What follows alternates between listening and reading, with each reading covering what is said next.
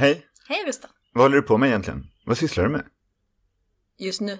Ja, nej, i allmänhet tänkte jag. Här på jobbet, alltså varför får du lön? Vad gör du? Jag får lön för att jag är miljöpedagog, precis som du. Ja, och vad tusan är det? Ja, det ska vi snacka om idag, va? Mm, det ska vi. Det här blir ett avsnitt, vi tycker att det varit för lite om dig och mig i den här podden. Just det. Nej, utan vi, vill ju, vi har fått önskemål om att prata lite mer om miljöpedagogik och miljöpedagogik riktat vuxna har vi fått läsa brev om. Och det har vi gjort, men nu, Är det dags för miljöpedagogik riktat mer mot barn? och unga. Ja, och den här podden är med Ann Nerlund och Rustan Nilsson. Jajamän, kör jingeln.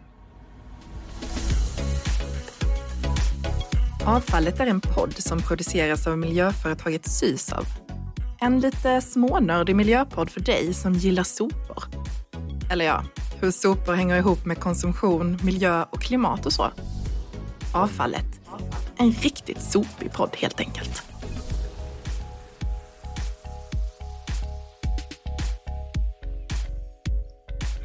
Okej, får jag bara säga en sak? Som sagt, det här avsnittet är främst miljöpedagogik mot barn och unga. Mot barn. Nej, för barn. för barn. Det låter roligare. Ja, för det är en ganska stor del av ditt och mitt uppdrag på, Mm. i SISAV, eller hur? Eh, men miljöpedagogik, vad tusan är det? Jo, jag har googlat runt lite grann och det finns fantastiska eh, definitioner på detta. Som jag glömde ta med pappret, som jag skrivit upp. Nu ska jag Mm. Ska hämta du det. gå och hämta det? Vänta en sekund. Ja. Det är ganska... ehm, det är en ganska vanlig grej att du glömmer papper till olika grejer. Okej, sorry, här hittade jag det. Mm. Jo, Unesco, alltså FNs, en del av FN, skriver så här. Nu kom, och lägg på lite pampig musik sen när du klipper, okej? Lite Jag gör det nu. Environmental education is a learning process that increases people's knowledge and awareness about the environment and associated challenges, develops the necessary skills and expertise to address the challenges, and fosters attitudes, motivations, and commitments to make informed decisions and take responsible action. Det lät väl tjusigt? Jättetjusigt, speciellt när du läser det med brittisk engelska. Eller hur? För att ta det lite enklare så googlade jag runt och hittade dessutom då på Kristianstad renhållning en lite mer enklare, kortare men väldigt, väldigt bra förklaring till varför de sysslar med det som ett renhållningsbolag. Renhållningens miljöpedagogiska verksamhet finns här för dig som vill lära dig mer om avfallshantering, miljö och hållbar utveckling. Vi tror att engagemang och kunskap är en grundbult för att inspireras till en mer hållbar livsstil och skapa ett mer cirkulärt samhälle. Renhållningen vill bidra aktivt till den resan. Tyckte jag de skrev väldigt bra. Det är det vi sysslar med. Visste det du är det? det vi sysslar med. Ja, men jag känner ju det. Men varför har vi det här i branschen? Kan du inte liksom förklara det lite? Varför har SYSA som avfallsbolag miljöpedagoger? Jo, jag skrev ner lite stolpar kring det. För ibland så är ju teknik och lagstiftning inte nog för beteendeförändring. Och SYSA ska ju arbeta i alla steg i avfallshierarkin och det översta steget är förebyggande. Och då är det rätt jädra svårt att använda sig av så här bra teknik för det till exempel. Och att det krävs att man ska bli engagerad och inspirerad av det här ämnet som kan vara tråkigt och svårt. Var det svårt att sitta och klura på det? Alltså, hur känns det att sitta och förklara sitt eget jobb? Eh, ja men det är väldigt lätt att säga exakta arbetsuppgifter vad du och jag gör. Ja, vi träffar människor, vi håller föreläsningar, lektioner, workshops, eh, studiebesök, rundvandring och gu- guidning och sånt. Men vår chef sitter ju faktiskt precis här intill. Så jag tänkte, kan inte du eh, gå och fråga henne? Vadå ni? Ja. Ta den här lilla micken och så tänker jag att du ska bara gå in till henne och fråga varför, tack, varför tack Susan för har- den eh, passningen. Okej, kära lyssnare, det här är på riktigt. Nu ska jag gå in som Janne Josefsson Mm. eh, bort till vår chef. Då. Eh, häng med här, ska vi fixa med tekniken.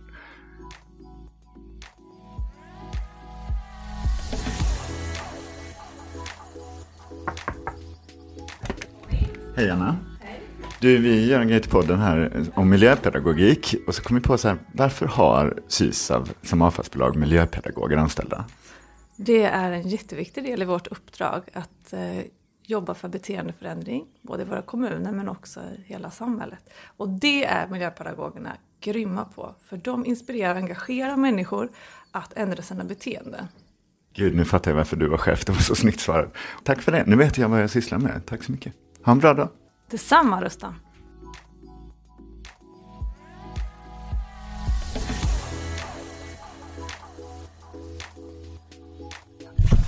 Nu är jag tillbaks. Vad tyckte du om det? Det är jätteskönt att ha en chef som är fullt på det klara varför vi gör det vi gör, tycker ja. jag. Mm. Ja, men det är så här, jag skulle vilja förklara det så här. Eller jag förklarar det så här när folk frågar vad jag sysslar med, så är det ju helt enkelt det du var inne lite på, men som Anna sa himla bra.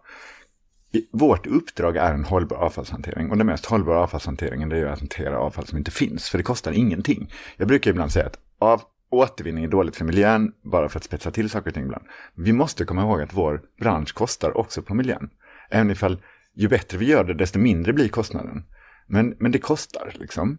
Och naturligtvis ska vi verka för avfallsminimering. Och som kommunägda så har vi ett fantastiskt uppdrag i detta, du och jag. Jag tycker det är mm. skitgött att gå till jobbet.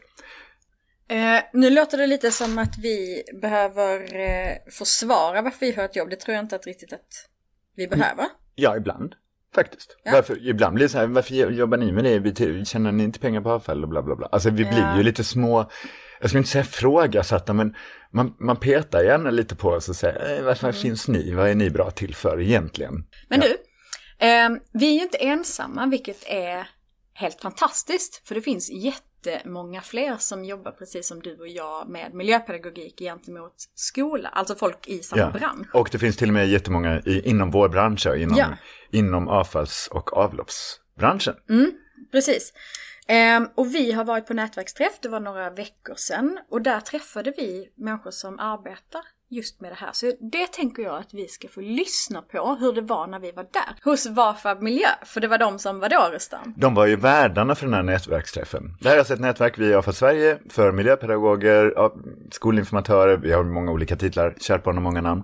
Men värdarna för årets träff var alltså uppe i Västerås, Vafab Miljö och Kai och Nathalie som jobbar som miljöpedagoger där. Och vi passade på då att göra en intervju när vi var och träffade det här nätverket i två hela dagar, vilket var jätteskoj. Kan vi inte lyssna på den intervjun med en gång?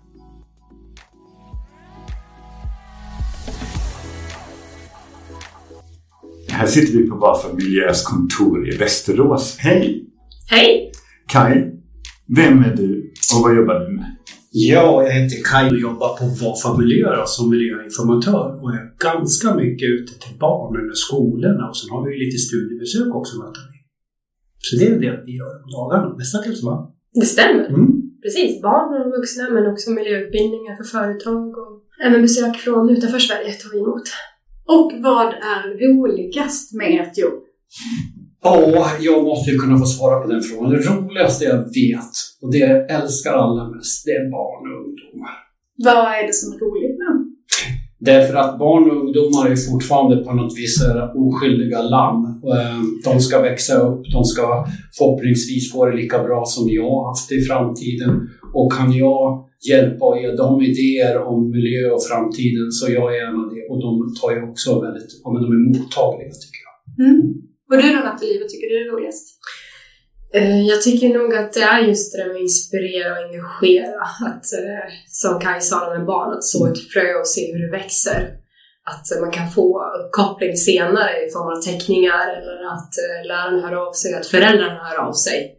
Att liksom, det har gjort skillnad. Att de har gjort någonting hemma eller sådär. Så att det är effekten, skulle jag nog säga, av att vi har, när vi har träffat dem. Tycker du det är svårt att målgruppsanpassa tillräckligt eller har du varit så länge i branschen nu Kaj så att du kan snacka med alla om allt? Nej, men jag tycker faktiskt att det är en spännande fråga för det första. Eh, men jag tycker att det går väldigt bra. Jag tycker det. För att eh, man får, det är liksom lite tjusningen att ställa om. Att ena dagen kanske ha en årskurs tvåa där man får eh, mysiga och det är mysig atmosfär. Och sen nästa dag om jag pratar för mig själv, då är jag in på en anstalt eller ett fängelse och kommer in där och ska prata med fångar som sitter och tittar på mig. Så det är ganska coolt och häftigt och ja, roligt. Så det är därför du fortfarande tycker det är kul det här jobbet? För du har hållit på ganska länge. Hur länge har du hållit på ungefär? Och jag började, jag började, jag fick, jag blev fast anställd 1986. Men ja, Rustan, jag tycker det fortfarande, det, är ännu roligare. Det, det, jag inspireras. Också mycket av mina kollegor. Jätteduktiga att jobba med. Nu får vi ju äntligen träffas. Det var ju några år som vi inte fick träffas. Och det tänkte jag höra, för hur utvecklade ni ert arbete under pandemin? Jo, det blev ju så att vi fick ju ställa in besöken ganska omgående också. Vi trodde väl inte det, men sen så bara gick det på. Och vi kände ju wow vad vi tappar nu att nå ut till, till barnen främst. Det är liksom de vi träffar allra mest. Och eh, då blev det väl också med att hela Sverige nu började använda Teams och digitalisera liksom. Att vi kände då att, ja men rörligt, även hur vi kan nå ut då. Så att då var det filmer som kom på tal. och sen ville vi såklart målgruppsanpassa dem också, likt vi gör med våra föreläsningar. Så det vi gjorde var att plocka in våra föreläsningar och sen gjorde det som lektionsmaterial. Då. Så vi gjorde ju fyra filmer.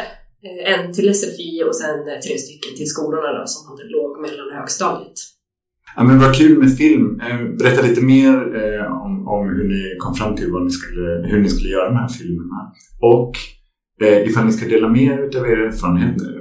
Kan ni lämna de tre bästa tipsen för de som kanske vill börja göra film? Liksom? Vad, vad, vad ska man gör man? göra? Hur gör man film? Oj! Oj, Nathalie, vem ska ta det här? Hur gör man film? Har en kamera. nej men när vi gjorde filmerna så plockade vi in som sagt mycket av vårt, hur vi liksom är i skolan.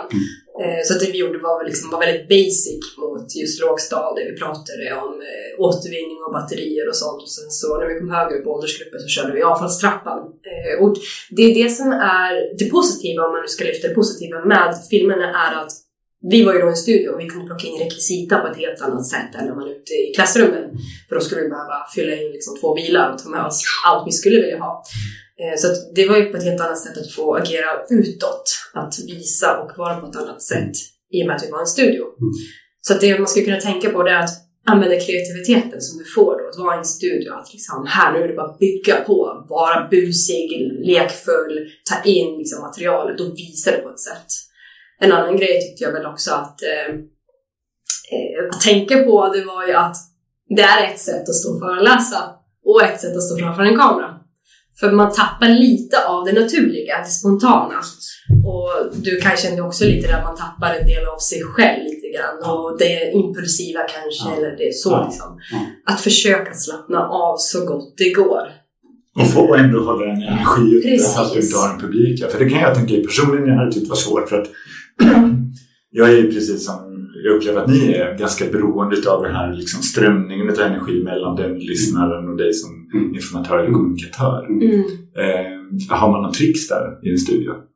Vi hade ju varandra och sen hade vi ju kamerateamet liksom. Så att det var ju de vi fick titta på liksom. Att ha någon som tittar tillbaks ändå på en. Ja, jag håller med där. Och det, det är som du säger, Östan, att när man har en publik så kan man ju liksom känna om man gör någonting bra. Mm. Det vet ni ju, man får ju Mm. någon slags feedback ganska tidigt. Och med en kamera får man ju inte samma feedback. Men jag måste fram, heter det, lyfta fram, så säger man då, vårt kamerateam då, eh, media, eh, Eller med tack, eh, som är så lättsamma, rara, Mm. gulliga, lätt, ja men det blir lätt. Vad har ni för planer framåt nu då? Vad ska ni hitta på? Ska ni utveckla göra mer film eller hur har ni tänkt? Vi har spelat in ytterligare en film som riktar sig till fastighetsägare.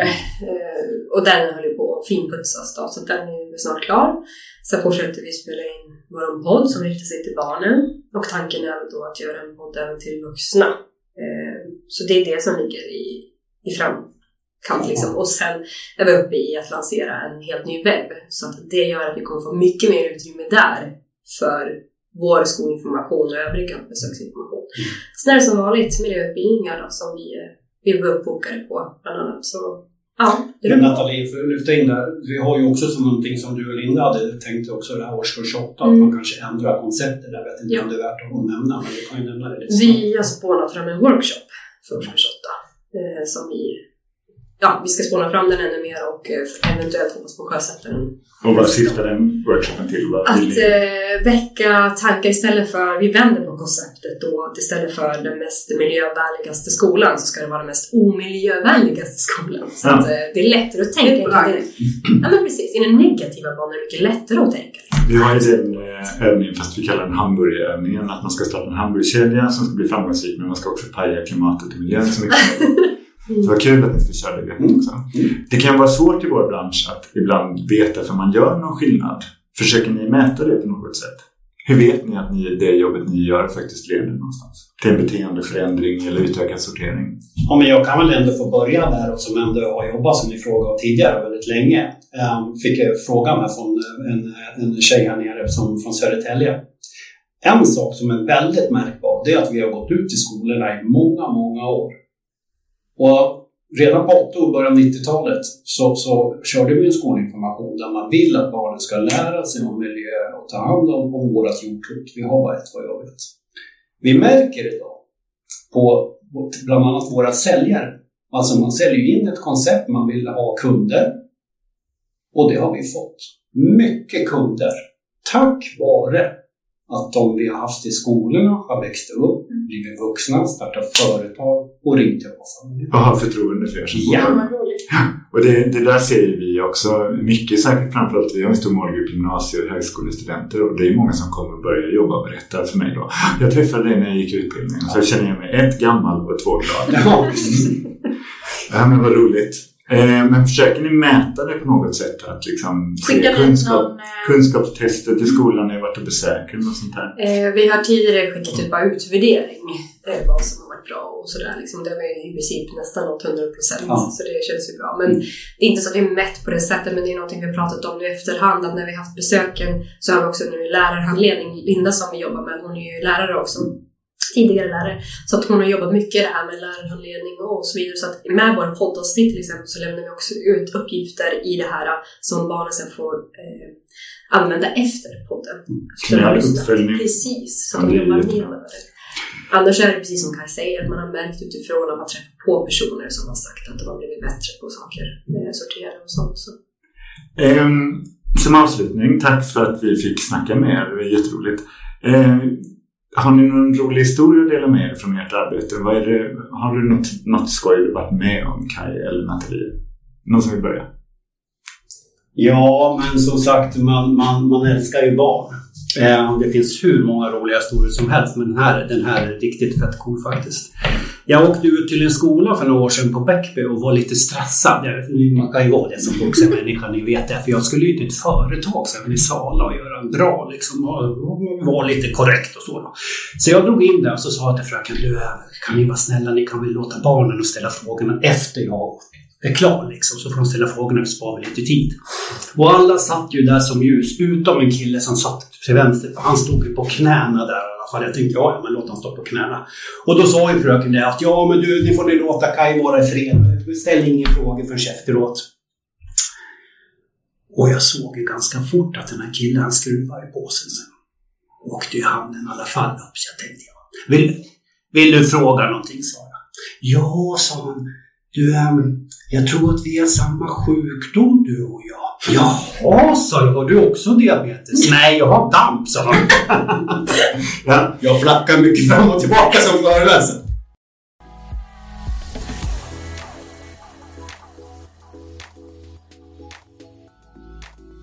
Tack Kaj och Nathalie. Du Rustan, du nämnde innan intervjun det här med, ja det finns fler inom vår bransch, men finns det miljöpedagoger i andra branscher? Ja. Vilka då? på riktigt, jag, alltså på riktigt, jag undrar för jag vet inte om jag har läst det så himla. Det finns ju inte skitmånga miljöpedagoger. Jo, det finns miljöpedagoger som jobbar med miljöfrågan i stort. Ofta är de anställda av kommunen på miljöverkstäder och liknande. Det finns även stiftelser som driver olika projekt kopplat till barn och unga som ska lära sig att helt enkelt förstå att vi människor lever ju faktiskt på naturens villkor, inte tvärtom. Mm. Så ja, det finns ganska många miljöpedagoger, men det är inte en jättestor bransch, men den är växande. Mm. Och FN har faktiskt identifierat det som ett av de viktigaste arbeten för framtiden. Därför det handlar om hur vi ska kunna leva goda liv inom de planetära gränserna. Ja, det ja. behöver inte bara vara avfallsfrågan då, helt enkelt. Nej, ja, bara undra. Nu är det ju så att vi träffade ju minst 30 till miljöpedagoger. Ja, vi var jättemånga på den här träffen, det var kul. Ja, jättemysigt. Och vi vill ju passa på att samla alla deras tips eller metoder, pedagogiska knep och liknande när de möter barn och unga. Ja, vi kunde inte, vi kunde inte få alla, så det hade vi inte tid med. Vi, vi kallade in några frivilliga ja, som ville dela med sig på hur man kan bedriva miljöpedagogiskt arbete. Och så fick de springa in och, och snacka med dig i någon minut. Och ska vi lyssna på det? Ja.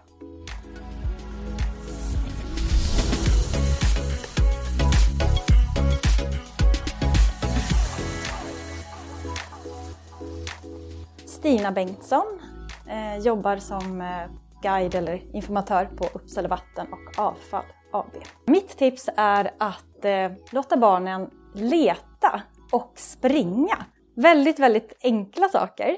Men när barnen får springa, oavsett om det är att de ska springa och leta efter matavfallspåsar som ligger gömt bakom träd och buskar, eller om de ska springa efter en soptunna och låtsas vara sopbil, eller kanske hålla i ett rep med droppar på och följa vattnets väg och springa tillsammans så blir det jättemycket skratt och skoj och väldigt busig stämning. Och sen att de får leta efter någonting är också väldigt, väldigt enkelt. Så mycket skratt, söka och, och springa.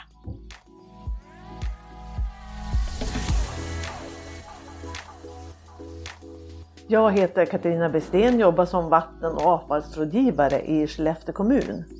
Och mitt tips är att jag ser att många av dem jag pratar med om avfall har svårt att koppla ihop det här med att vi i Sverige tillhör de här tio länder i världen som gör störst ekologiskt fotavtryck. Därför man tycker att ja, men vi är ju så, vi är så fint här, vi har så bra miljö, vi är så duktiga på att källsortera. Och då brukar jag säga att nej, men det är ju det att det har ihop ganska mycket med att vi har det ganska bra ställt. Så vi shoppar ju alldeles, alldeles för mycket. Vi har ju så mycket prylar och mycket av det vi köper är ju nytillverkat. Då brukar jag ta upp mobilen som ett exempel att när vi köper den nytillverkade då tänker vi faktiskt inte på att det har gått otroligt mycket avfall för att tillverka den. Det är det man kallar osynligt avfall för vi ser det ju aldrig. Så bara mobilen som väger ingenting, om vi skulle väga in allt som har gått åt för att tillverka den så skulle den väga 85 kilo. Och det tycker jag blir en aha för många människor. Det är därför vi måste köpa sånt som redan är tillverkat. För vi har ju inte oändligt med resurser.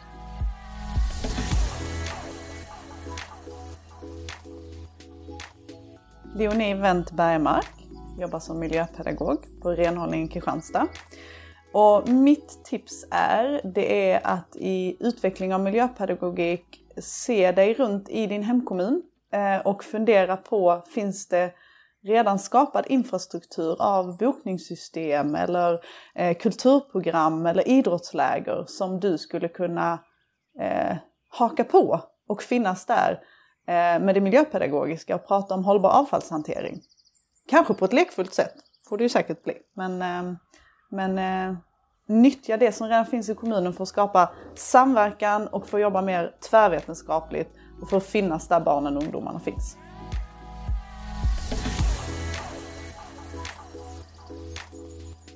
Matilda Enberg, miljöpedagog, Hässleholm Miljö. Mitt tips är att eh, framförallt på förskolenivå att personifiera de olika fraktionerna när man arbetar med avfall.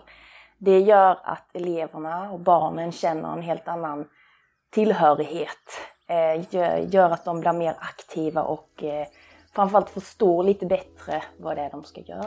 Som till exempel våra sopsamlarmonster.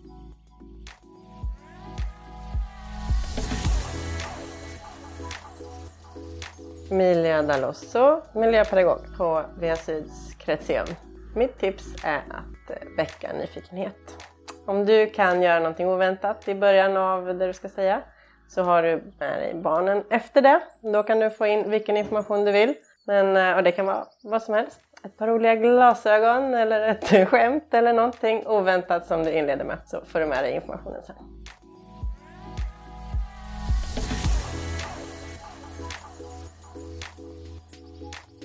Karin Brolin, miljöpedagog, gästik återvinnare. Mitt tips är att i slutet av lektioner bör man sammanfatta vad har vi pratat om eller ibland så har man också en väldigt stökig klass, det händer. Då tar jag fram den här. Jättelätt att eh, få några tysta sekunder, samla ihop och sen kunna sammanfatta.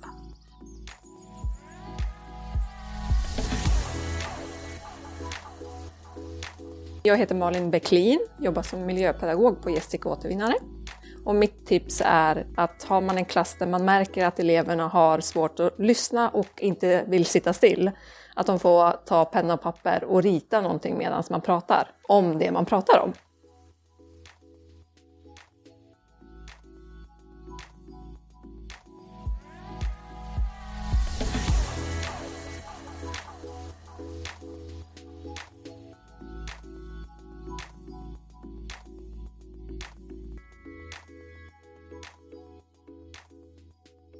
Toppen eh, tips och idéer. Innan vi avslutar och pratar miljöpedagogik och ska avsluta hela det här poddavsnittet. Mm. Eh, så, så vill jag bara säga så här. Du som lyssnar kanske har andra tips du vill dela med dig av.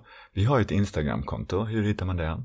Jo, då går man in på Instagram och så söker man på en riktigt sopig podd. Och där lägger jag ibland upp så här behind the scenes, eh, när vi håller på och peppar inför något nytt avsnitt och, och när vi väl släpper nya avsnitt. Mm. Och där får man också jättegärna ställa frågor om man har någon, om man kan liksom komma med lite kritik, helst snäll sådan, för ibland är vi sköra. Men eh, ja, man får gärna snacka med oss där. Ja, men nu, är- nu är det faktiskt inte så mycket tid kvar på den här podden. Men vi har ju en av eh, de bästa segmenten kvar, det är Marias hållbarhetstips. Ja. Stående inslag. Ska vi köra det och sen säger vi hej då redan nu och så får Ja, ni vi avsluta med avslutar det. med det. Kör Marias hållbarhetstips och hej då Gustav! Hej då Ann och hej då du som lyssnar, tack för att du lyssnar. Visste du att en svensk barnfamilj kan spara upp till 6 000 kronor om året genom att minska sitt matsvinn? Spara både pengar och miljö genom att ta vara på maten. Här kommer ett smart matsvinnstips. Har du en grädde som håller på att gå ut? Gör crème fraîche av den. Till 5 deciliter vispgrädde häller du i 1-2 matskedar filmjölk. Rör om och låt stå över natten. Och vips! Så har du en crème fraîche som håller i en vecka till. Fler foodhacks hittar du på restekocken.se och på Sysavs Instagramkonto.